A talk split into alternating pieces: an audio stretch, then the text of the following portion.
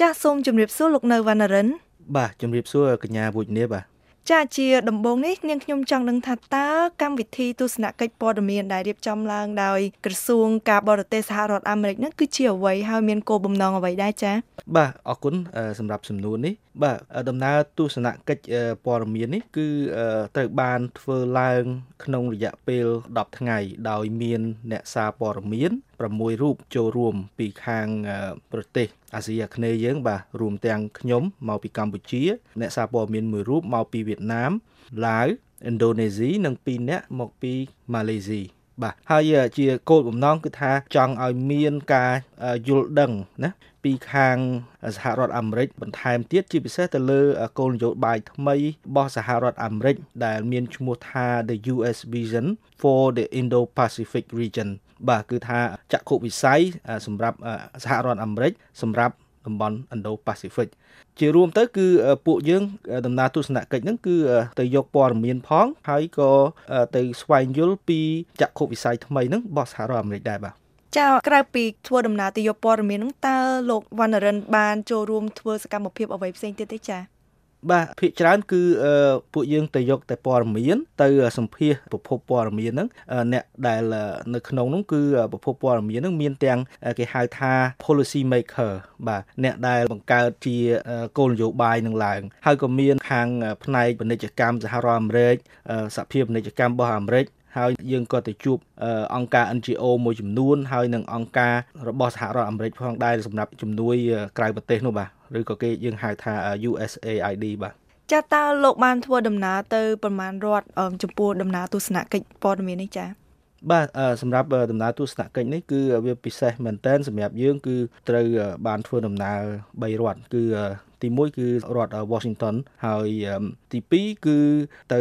ខាង California យើងទៅទីក្រុង Sacramento ដែលជាក្រុងរបស់រដ្ឋ California ហើយនឹងក៏ទៅរដ្ឋ Hawaii ដែរបាទហើយនៅក្នុងនោះភាគច្រើនព្រោះថាអ្នកដែលចូលរួមនៅក្នុងទស្សនៈចក្ខុវិស័យរបស់អាមេរិកថ្មីហ្នឹងគឺមាននៅក្នុងតំបន់ហ្នឹងហើយក៏យើងបានទៅជួបនឹងអ្នកដែលការពារតំបន់នោះគេហៅថាមូលដ្ឋានទ័ព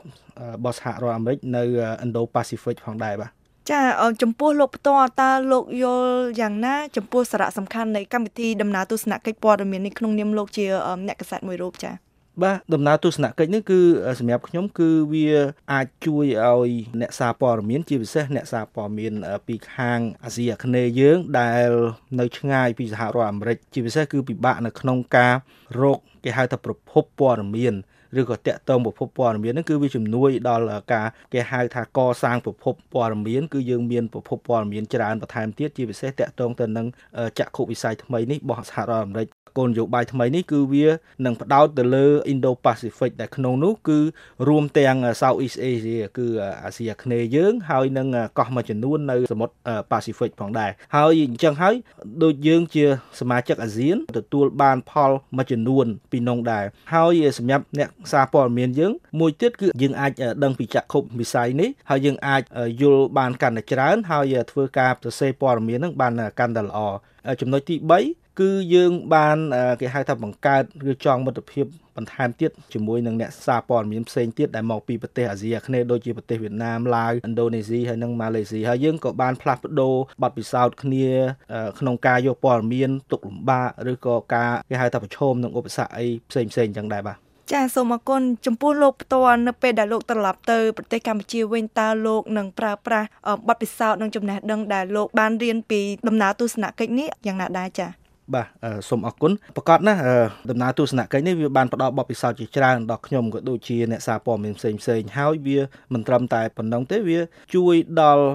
ខ្ញុំក្នុងការសម្រួលក្នុងការសរសេរជាព័ត៌មានហើយខ្ញុំគិតថាពេលដែលព័ត៌មានចេញទៅគឺវាអាចជួយឲ្យប្រជាពលរដ្ឋយើងនឹងបានយល់ច្រើនពីអ្វីទៅគេហៅទស្សនវិស័យរបស់សហរដ្ឋអាមេរិកខ្ញុំចង់និយាយបន្តិចតកតងនឹងចក្ខុវិស័យសហរដ្ឋអាមេរិកសម្រាប់តំបន់ Indo-Pacific ហ្នឹងគឺត្រូវបានកកើតឡើងថ្មីថ្មីនឹងដែរហើយជាពិសេសហ្នឹងគឺចង់ផ្ដោតទៅលើការអភិវឌ្ឍ នៅជួយប្រទេសនៅក្នុង Indo-Pacific ហ្នឹងហើយសហរដ្ឋអាមេរិកនឹងធ្វើការបន្ថែមទៀតជាពិសេសការជំនួយ ការវិនិយោគច្រើនទៅលើ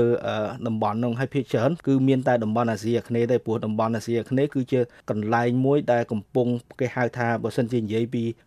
សេដ្ឋកិច្ចហ្នឹងកំពុងតែពុះកជ្រោលអញ្ចឹងនេះហើយជាតំបន់ដែលល្អសម្រាប់គេវិនិយោគបានច្រើន បាទអញ្ចឹងខ្ញុំគិតថាដំណើរទស្សនកិច្ចនេះវាអាចជួយច្រើនហើយយើង ទៅវិញអាចមានបទពិសោធន៍អាចចែករំលែកដល់អ្នកសារព័ត៌មានផ្សេងផ្សេង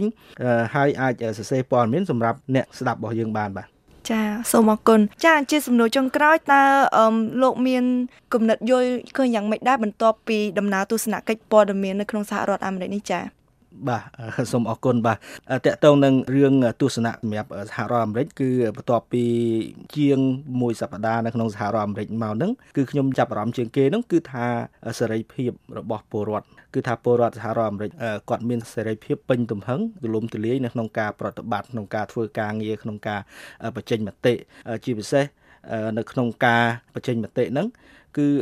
ពលរដ្ឋត្រូវបានគាំពៀដោយច្បាប់ ហើយអាជ្ញាធររដ្ឋាភិបាលរបស់គេបាទ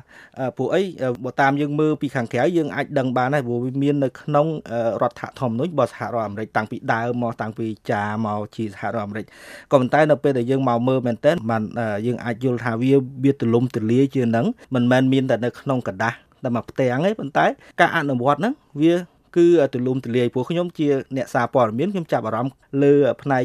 គេហៅ freedom of speech ហើយនិង expression អញ្ចឹងនៅក្នុងការធ្វើដំណើរហ្នឹងយើងមើលទៅឃើញថាប្រជាពលរដ្ឋគេមានសិទ្ធិពេញទីនៅក្នុងការនិយាយស្ដីនៅក្នុងការបញ្ចេញមតិខ្លួនឯងយើងឃើញមានការតវ៉ាអីតាមផ្លូវហោហែហើយមានការការពៀគាំពៀដោយអាជ្ញាធរនៅក្នុងស្រុកការបញ្ចេញមតិហ្នឹងវាមានភាពទូលំទូលាយហើយបើសិនជាយើងមើលទៅផ្នែកមួយចំនួននៅក្នុង